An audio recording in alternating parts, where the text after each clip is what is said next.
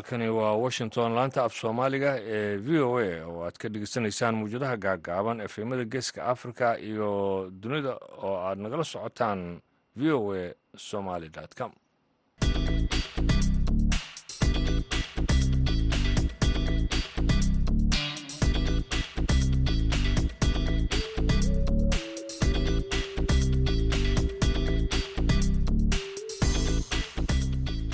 wanaagsan dhegeystayaal dhammaantiinba saacadduna haatan afrikada bari waxa ay tilmaamaysaa kowdii iyo barkii duhurnimo. Idaacadda barnaamijka dhalinyarada iyo maanta waxaa idiin soo jeedinaya anuga ibraahim xasan daandurey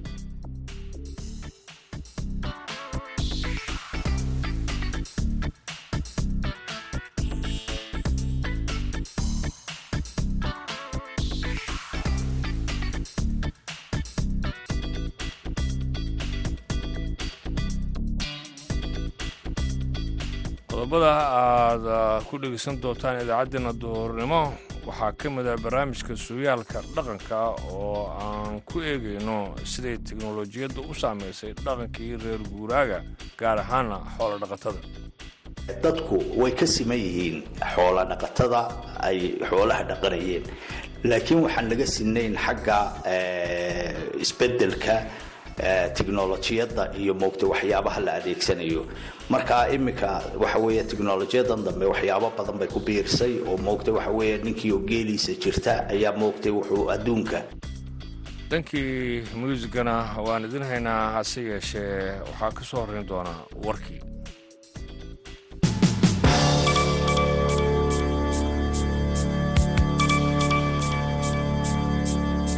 dalka shiinaha baaqay xabajoojin dhex martay ukrein iyo moscow iyo in la furo wadahadallo nabadeed oo soo jeedin ka kooban laba iyo toban qodob oo lagu joojinayo dagaalka bilowday muddo hadda sannad laga joogo. Shiinaha ayaa ku andacoonaya inuu dhexdhexaad ka yahay dagaalka laakiin shiinaha ayaa sidoo kale sheegay in saaxiibtinimo aan xad lahayn uu la leeyahay ruushka iyadoo uu diiday inuu dhaleeceeyo duulaanka ruushka uu ku qaaday dalkaasi ukrein ama xitaa uu ku tilmaamo duulaan. Shiinaha ayaa waxa uu ku eedeeyey reer galbeedka inay hurinayaan colaadda islamarkaasna ay dabka si xoogla u hurinayaan iyaga oo markaasi siinaya ukrein hub difaac maraykanka ayaa sidoo kaleeto sheegay in laga yaabo shiinaha inuu isu diyaarinayo in ruushka uu siiyo gargaar milatary taasi oo beijin ay ku sheegtay wax aan caddayn lahayn. Afhayeenka wasaaradda arrimaha dibadda ee shiinaha wang wimpin ayaa waxa uu ku tilmaamay eedeyntaasi wax aan dhaafsiisnayn aflagaado madaxweynaha suudaanta koonfureed salva kiir ayaa waxa uu baaq u diray in ka badan laba milyan oo qaxooti ah oo dalkaasi u dhashay inay dalka dib ugu soo laabtaan. Qaxootigaasi ayaa ku sugan xerooyin ku yaalla dalal derisla ah dalkaasi. Salva kiir ayaa sheegay in dowladdiisu ay bilaabayso in qaxootigaasi ay u fududayso ammaanka ay u baahan yihiin waxaa jira in ka badan laba dhibic saddex milyan oo qaxootiga oo dalkaasi u dhashay oo ku nool xeryaha qaxootiga ee ku yaalla dalalka kenya uganda iyo masar. Madaxweyne kiir ayaa sheegay in dib u soo celinta qaxootigaasi ay mudnaanta koowaad u tahay xukuumaddiisa. Kiir ayaa hadalkaasi waxa uu sheegay xilli booqasho uu ku tegay xero ay ku sugan yihiin barakacayaal kala duwan shacab badan oo dalkaasi u dhashay ayaa qaxay xilligii ay ka dhaceen dalkaasi dagaaladii sokeeye sannadkii labada kun saddex iyo tobankii kuwaas uu u dhexeeyey madaxweyne salva kiir iyo hogaamiyihii mucaaradka riig mashaar warkiina waa naga intaas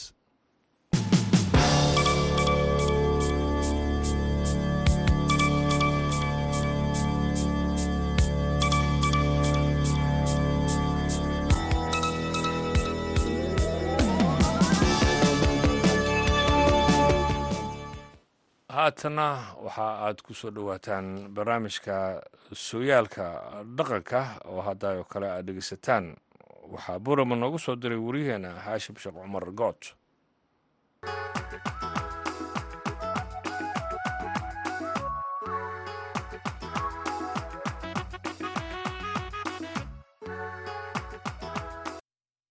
kulanti wanaagsan dhegaystayaal ku soo dhowaada barnaamijka sooyaalka dhaqanka oo maalin walba oo jimcaha aad hadahan oo kale ka dhegaysataan laanta afka soomaaliga ee v o a idaacadda duhurnimo ee barnaamijka dhallinyarada maanta. Barnaamijkeenna sooyaalka dhaqanka ee toddobaadkanna waxaan ku soo qaadan doonaa sooyaalkii hore ee xoolo dhaqatada soomaalida iyo sidii ay noloshoodu ahayd isbedelada ku yimid noloshoodii hore ee ay technolojiga casriga ahi ku soo kordhisay dhaqankii iyo noloshoodii dadkaas xoolo dhaqatada iyo reer guuraaga soomaalida ah. Waxaana barnaamijka inoogu martiya aqoon-yahaan cabdirasaaq daahir cabdi. Wuxuu ka mid yahay abwaanada iyo aqoon-yahanka ku nool gobolka awdal. In badanna daraaseeyey waxyaabo ku saabsan dhinaca dhaqanka soomaalida. Ugu horreynna waxaan weydiiyey bal sidii uu ahaa markii hore sooyaalka dhaqanka xoolo dhaqatada soomaalida iyo noloshoodu siday ahayd. Waad salaaman tahay haashim sheekh cumar good iyo bahda v o eedaba marka moogta waxa weeyaan haddii aan ka jawaabo su'aashaasi isbeddel iyo tatawur buu qaadanayaa. Had iyo jeer dhaqanku maalinba maalin ku dari maayo. Maalinka yimaadee cusubba moogta wuxuu la imanayaa waagiisa iyo xirfadiisa iyo aqoontiisa iyo tiknolojiyadiisa marka waxa weeyaan dadku way ka siman yihiin xoola dhaqatada ay xoolaha dhaqanayeen. Laakiin waxaan laga sinayn xagga isbeddelka technolojiyadda iyo moogta waxyaabaha la adeegsanayo. Marka iminka waxa weeye dambe waxyaabo badan bay ku biirisay oo moogta waxa ninkii oo geeliisa jirta ayaa moogtay wuxuu adduunka kala socdaa waxyaabo badan sida moogtay lacagaha laysku diro sida moogtay adeega kale moogtay looga warhayo moogtay dadkii kale uu ka yimi. Berigii hore waxa weeyaan marka ay dadku waxay samayn jireen inay qululaan ama hayaamaan. Qululka waxaa la yidhaa inay hoos u dhaadhacaan oo xagga xeebaha ku dhowaadaan halkaasoo ay roobab ka da'aan moogtay waqtiyada moogtay jiilaalkii ama dayrtii iyo wax kadibna moogtay waxa weeyaan marka ay moogtay gugu soo dhow yahay ama gugu roobku tiixo ayay kor u soo hayaamaan. Marka hayaan baa la yidhaah soo socodka ay kor u soo baxayaan. Dhaadhacana qulul baa la yidhaah marka waxa weeyaan dadkii uu kaga tegay meeshii uu ka qululay dee war kama hayn jirin berigii hore. Ilaa moogtay uu soo noqdo wax dhintay iyo wax moogtay xanuunsaday iyo wax moogtay xaal kale ku yimi ama xataa colaad dhacday war kama hayn jirin. Intaa moogtay waxa weeyaan uu qululkaa ku maqanya kadib marka ay ka soo hayaamaan ayay heli jireen xogtii wixii dhacay. Iminka laakiin waxaa jira dee technolojiyadan moobilada ama moogtay waxa weeye telecommunicationka isgaarsiinta ayaa moogtay lagu wada xidhiidhayaa saacad saacad habeenkii maalinkii dhowr jeer bay wada hadlayaan. Marka qofku waa xogogaal imika laakiin berigii hore xogogaal maahayn taasi waa moogtay tadawurka ay qaadatay xoololayda ama xoolo jirka dhaqan ahaan. Laakiin waxa weeya xagga kale way ka siman yihiin. Waxaa tahay nin aqoon-yahana oo dhinacna abwaanka ah noloshan xoolo dhaqatada marnaba ma isku dayday in aad habnololeedkooga reer guuraannimada soomaalidu ay u nooshahay. Wakhtigii uu karoonuhu dhacay ka hor labadii kun iyo sideed iyo tobankii mar xataa beri dhaweyda waxaan raacay moogtay xoolo badan oo moogtay laysku daray oo ahaa moogtay ilaa saddex boqol iyo siddeetan neef oo geela oo u qululayay moogtay buurta eelo taas oo aan joogay moogtay laba bilood oo moolaha toban cishala. Intaa moogtay waan darsayey waan ku dhex jiray waan la socday moogtay in uu markii hore uu ka sahlan yahay xaalku xagga xogogaalka ayaan moogtay ya. Markaa moogtay xataa moogtay waraysiga guud ee ay iswaraysanayaan dadku wixii xaal adduun dhacay moogtay dambeeye moogtay habeenka wararka siday ula soconayaan miidiyaha iyo isgaadhsiinta ayaa moogtay waxa weeyaan aada u xaddhaafa ama moogtay u awood badan. Oo waxa laga yaabaa ka magaalada iska jooga iyo ka baadiyaha moogtay xoolaha qululiyey in ay ka wada socdaan xagga miidiyaha wixii moogtay dhacay ama moogtay waxa idaacadaha iyo ay la soconayaan iyo moogtay waxa weeyaan facebookyada iyo ay isticmaalaan qaarkood moogtay inta badan. Marka waxa weeye meel kasta way gaadhay. Wakhtigaasi waxa waxaan tegay oon ka baxay moogtay gobolka awdal. Anigoo gaadhay moogtay isla moogtay gobolka awdal gudihiisa moogtay buurta la yidhaaho eelo marka buurtaa eelo moogtay waxa weeyaan geela lagu hayay oo moogtay waxa weeyaan muddadaaba moogtay uu joogay oo moogtay waxa weeyaan caanaha aan cabayay anna waxaan u baahnaa caanaha bal haddaa in aan ka moogtay abaan caano doontay runtii. Kadibna moogtay habeenkii markaa xoolaha moogtay la soo daaja ayaa moogtay barxad weyn oo ay leedahay baa geelu fadhiistaa halkaasaa laysku waraystaa marka tix baan ka tiriyey oon moogtay waxa weeyaan aan ugu magac daray xays adoo tixdaa noo tirin doona marka aad nolosha reer guuraaga iyo xoolodhaqatada soomaalida ee aad tooska u aragtay ku dhex jirtay. Sida aad tilmaantay golaa la iskugu imanayay golaha ay iskugu imanayeen marka habeenkii la soo hoydo wixii sooyaale soo jiray iyo waxa hadda lagu jiro dadka da'daa iyo dadka dhallinyarta siday wadaagi jireen? Waxa weeyaan da-day ku xidhantahay taasioo moogta waxa weeyaan inta da-da weyn leh waxa ay ka sheekayn jireen waxyaabihii ay soo mareen. Xaalkii moogtay dadku ku sugnaa iyagoo moogtay tilmaamayo farta ku godaya tiknolojiyadan dambe ee dhallinyartu ay aadka u isticmaalayso inta badan ma isticmaalaan ma moogtay xataa taleefanada rasmiga ah moogtay kuma badna dadka waaweyn ama moogtay waxa weeye waayeelka ah. Laakiin dhallinyarta ayaa isticmaalaysa oo aad u isticmaalaysa lana socota waxaasi. Marka waxay uga sheekayn jireen xaaladii adkayd ee ay soo mareen iyo moogtay waxa weeye waayihii adkaa ee ay ku jireen. Oo ka mid ahaa moogtay xayawaanada oo moogtay weerari jiray xoolahooga iyo moogtay naftoodaba iyo moogtay warla-aanta ay kala qabeen dadku maadaama ay kala tegeen oo moogtay ay kala hayaamiyeen ama ay kala qululiyeen.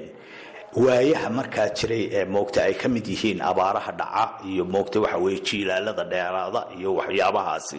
Marka meesha roob leh inay tagaan qaar intii moogtay culusee moogtay la qaadi kari waayo ama dad iska waayeela ama moogtay inta baylahda moogtay dee u adeegaysa iyo caruurda iyo waxaasna laga tego.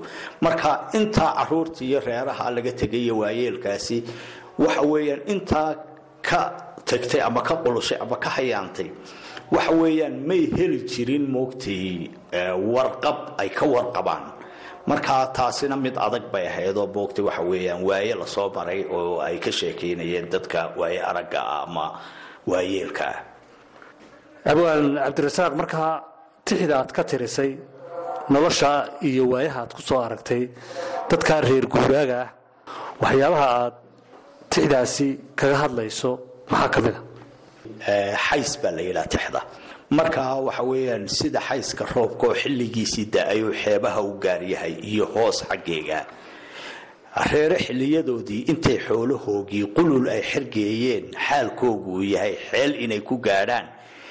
Karin iyo xiis iyo xagallaasaciidliyo bullaxaar xodeediyo xuluulkii lughaya iyo buur xaabdusheedii eele iyo xayaabley oo xoorka caanuhu inta ay harfanayaan xuday daaqa dhadhankiiyo xudhoonkii u dheeryahay la lisaayo xigihiiyo xilliyada dharaartii. Uda ceelka loo xulay darku xero la jaaryahay xiisiya wanaagyaal la wadaago xogihiiyo wixii xaal adduun dhacay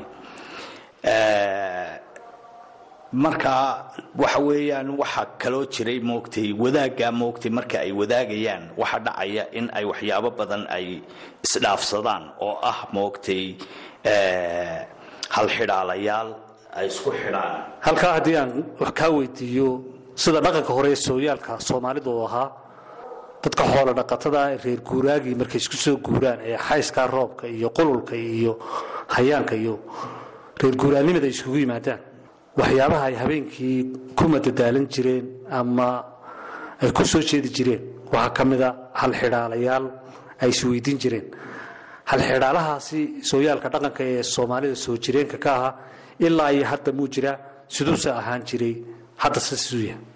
Okay waa jiraa oo moogta waxa weeyaan dadku xataa moogta waxaa jira in waxa weeyaan waxa gefka la yidhaah gefku wuxuu leeyahay abaalmarin ama moogtay wax xaal la yidhaah ma fahamta marka gefku marka uu ka dhaco rag gef baa ka dhaca. Gefkaasi waxa weeyaan xiluu lahaa oo moogta waxa weeye xaal waxa la yidhaaho xilo ah ayuu lahaa. Markaa markaan lahaa uda ceelka loo xulo darka xero la jaariyo xiisiyo wanaag la wadaago xogihiiyo wixii xaal adduun dhacay xaalna la ysku dhaafsaday marka xaalkaa la ysku dhaafsanayo waxa weeyaan waxaa jira halxidhaalayaal iyo sarbeebo iyo muugta waxyaabo raacaya. Oo de xaalka waanu qaadanay un lama yidhaah laakiin waxyaabo waa rogrogayaa oo qofku wuxuu doonayaa inuu ka galgasho. Markaa waxa weeyaan qaarba waxbay soo jeedinayaan. Qaar baa odhanaya adoo xaamilo mooday uur xisaab tirinayay mise xaalku u muuqday xoog madhnaaday dhexdiisa xayi waabalqayuume aan xayaato ku beerin. Inna looga xaqiiqsan. Xaashee xaashee xata taala lagu sheego xilkaasi ilmo xool dhalan doona. Adoo xaamilo mooday uur xisaab tirinayay mise xaalku u muuqday xoog madhnaaday dhexdiisa xayi waabalqayuume aan xayaato ku beerin. Inna looga xaqiiqsan xaashee xanta taala lagu sheego xilkaasi ilmo xool dhalan doona oo xuduntiisu xidhnaatay. Marka waxa weeye qofka isaga iyo xiskiisii xaalayn amuurtii xilka gaadhis meeshiis waa xaalka garashada oon cidna loo xaqiiqsane xadka dhaaf haddaad tidhi adiga iyo xaqiirka. Markaa waa la isweydaarsanayaa oo waxa la sheegayaa moogta xaaladaha oo waxaa la isku xujaynayaa waxyaabo bal qof uur qaaday oonu uurkaasi jirin oo moogta waxa weye uur beenaad uu yahay false pregnancy ayaa moogta la isku xujaynaya marka hadduu garto iyo hadduu wuu ka baxay oo waxa weeyaan xaalkii markaa qabtay wax xujadii ka saartay moogtay tan hadduu garto. Marka waa halxidhaalahaasa waxaa la leeyahay ogobay dhalaan aan iman dhalasho meeshiisa oo dhabta saar iyo aan oo dhabsaar iyo aan lahaan dhinacyo saarkooga oo dhawaq iyo odhaah kula dhammaynaya oo dhaayo muuqood arkaan dhowris eegooda oo dheeri fogaan iyo ka dhow lagu dhaxaynayo oo dhabtii loo dhigo dhaliil oo dhabtii loo dhigo dhaliil la'aantooda oo dhaaxa lagu raysto dhurati dhaabkooda oo dharkii oo dhankii la eegaba ka dhisan dhegis aqoontooda oo aan la dhaafahayn dhaygag meeshooda. Marka iyaguna tanna waa halxidhaale moogtay kale. Waxa weeyaan cid kula joogta oo moogta waxa weye kula dhammaynaya oo moogtay dhalaana oo moogta waxa weeyaan ya aan dhalan haddana ayaa laysku moogta xujaynaya marka waxyaabaha moogtay had iyo jeer waxaa moogtay laga helaa aqoon dheeraada. Waa jaamacad moogtay dhinac markaad eegtid moogta meelaha layskugu yimaadaa. Oo dee waxa weeyaan waxyaabo badan baad moogtay laga faa'iidayaa. Halxidhaalayaasha markaas sidee loo furfurayaa sidee layskugu jawaabayaa? Qof iyo aqoontii iyo garashadii see lagu ogaanaya waxaa lagu ogaanayaa sida loo kala waaya aragsan yahay waxaa loo daaya ragga waxaa jira moogtay waysmaan baa jira dad la yidhaah. Waysmaanku waxa weeyaan qof aan aqoon baran haddana ka aqoon badan ku aqoonta bartay. Marka waxa weeyaan waysmaankaasi ayaa la soo horraysiinaya oo la soo dhigaya waxa weeye mas'uul buu ka yahay inta kale. Mas'uul buu ka yahay inta kale oo waxa weeyaan isagaa u furaya. Marka waxa weeyaan ninkaasi had iyo jeer nin halseega maaha ma fahamte odhaahda aad odhanaysid ayuu sii garanayaa sida ay u dhacayso iyo ujeedadaad algojeed xataa wuxuu garan karaa halka aad ka kaftamaysid ama aad ka haasaawaysid ama aad ka halxidhaaloonaysid ee ujeedadaada isagoo kala soo baxaya psychologically tii hore ama sheekadii tan ka horeysay wixii ay taallo qofka weli maskaxdiisa ka sii guuxaysa in ay ka soo bixi karto. Ugu dambayn markaad eegto nolosha dadkaasi ku nool yihiin sooyaalka hore ee dhaqankay ka sheekaynayaan technolojiga hadda i gaadhay maxaadsi leedahay horumar way ku tallaabsadeen. Noloshoodii maxaa iska bedelay baad isleedahay waa wanaagsan tahay wallaahi. Arrin la isweydiiyena waa weeyaan moogta aada u fiican arrinkaa abdihaashimi weydiisay. Waxa weeyaan teknolojiyadani waxa weeyaan waxyaaba badan bay soo kordhisay. Dadku waxay moodaan in ay dibidhac keentay laakiin horumar bay keenaysaa. Waxay isku xidhay dadkii gudaha magaalooyinka deganaa iyo dadkii baadiyaha deganaa. Waxa ay isku xidhay aqoontii taalay magaalada iyo tii baadiyaha. Waxa weeyaan qofka magaalo jooga waxa weeyaan wuxuu la socon karaa waxyaabaha halxidhaalayaasha la isweydiinaya iyo gabayada iyo moogtay sarbeebaha u yaalla dadka ay moogtay qolooyinka reer baadiyaha iyo ama ciyaaraha ay tumanayaan. Markaa waxa weeyaan waxaad helaysaa moogtay xogtii oo dhammaystiran oo ujeedadeedii moogtay lagu falanqayn karo moogtay magaalada lana moogtay samayn karo moogtay ama xidhiidh loo samayn karo labada dhaqankii magaalada iyo kii baadiyaha. Oo moogtay labadaba la iskale taana waxaa ugu wacan tiknolojiyadda moogtay miidiyaha oo aada u xoog badan oo iyaguna ay la socdaan qolada moogtay baadiyaha. Ayna ka madhnayn iyo moogtay kuwii magaalada oo loo soo gudbiyey xaalkii yaalay baadiyaha. Ama moogtay xoolo dhaqatada ama moogtay ya intaas waxaynu ku soo gunaanadaynaa kuna soo gebagabaynaynaa barnaamijkeennii sooyaalka dhaqanka ee toddobaadkan oo aynu ku soo qaadanay sooyaalkii hore ee dhaqanka ee xoolo dhaqatada iyo reer guuraaga soomaalida iyo waqti xaadirkan waxyaabaha iska bedelay noloshoodii hore ee ay technolojiga casriga ahi ku soo kordhisay dhaqankii iyo noloshoodii dadkaas xoolo dhaqatada iyo reer guuraaga soomaalida ah. Waxaa barnaamijkeenna marti inoogu ahaa aqoon-yahan abwaan cabdirasaaq daahir cabdi oo ka mida aqoon-yahanada gobolka awdal in badanna daraaseeyey waxyaabo ku saabsan dhinaca dhaqanka soomaalida. Oo barnaamijkeenna isagu marti inoogu ahaa toddobaadkan waxaa barnaamijka idinka soo diyaariyey magaalada boorame ee gobolka awdal. Anigoo ah haashim sheekh cumar good tan iyo kulantideenna dambe dhegaystayaal waxaan idinkaga tegayaa sidaas iyo nabadgelyo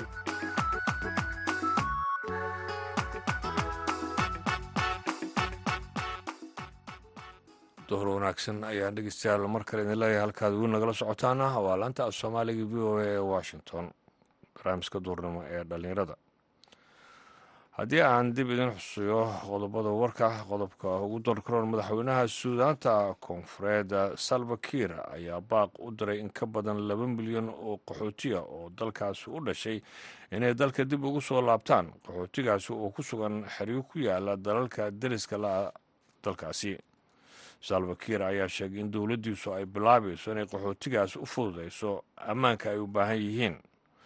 Waxaa jira in ka badan laba dhibic saddex milyan oo qaxootiya oo dalkaasi u dhashay oo ku nool xeryo qaxooti oo ku yaalla dalalka kenya uganda iyo masar. Madaxweyne kiir ayaa sheegay in dib u soo celinta qaxootigaasi ay mudnaanta koowaad ay u tahay xukuumaddiisa. Madaxweyne kiir ayaa hadalkaasi sheegay xilli uu booqasho ku tegay xero ay ku sugan yihiin barakacayaal kala duwan. Shacab badan oo dalkaas u dhashay ayaa qaxay xilligii ay dhaceen dagaaladii sokeeyey sannadkii labadi kun saddex iyo tobankii kuwaas oo u dhexeeyey madaxweyne salva kiir iyo hogaamiyihii mucaaradka riig mashaar haatanna dhankii muusiga diaan jallacno ku soo dhowaada heestan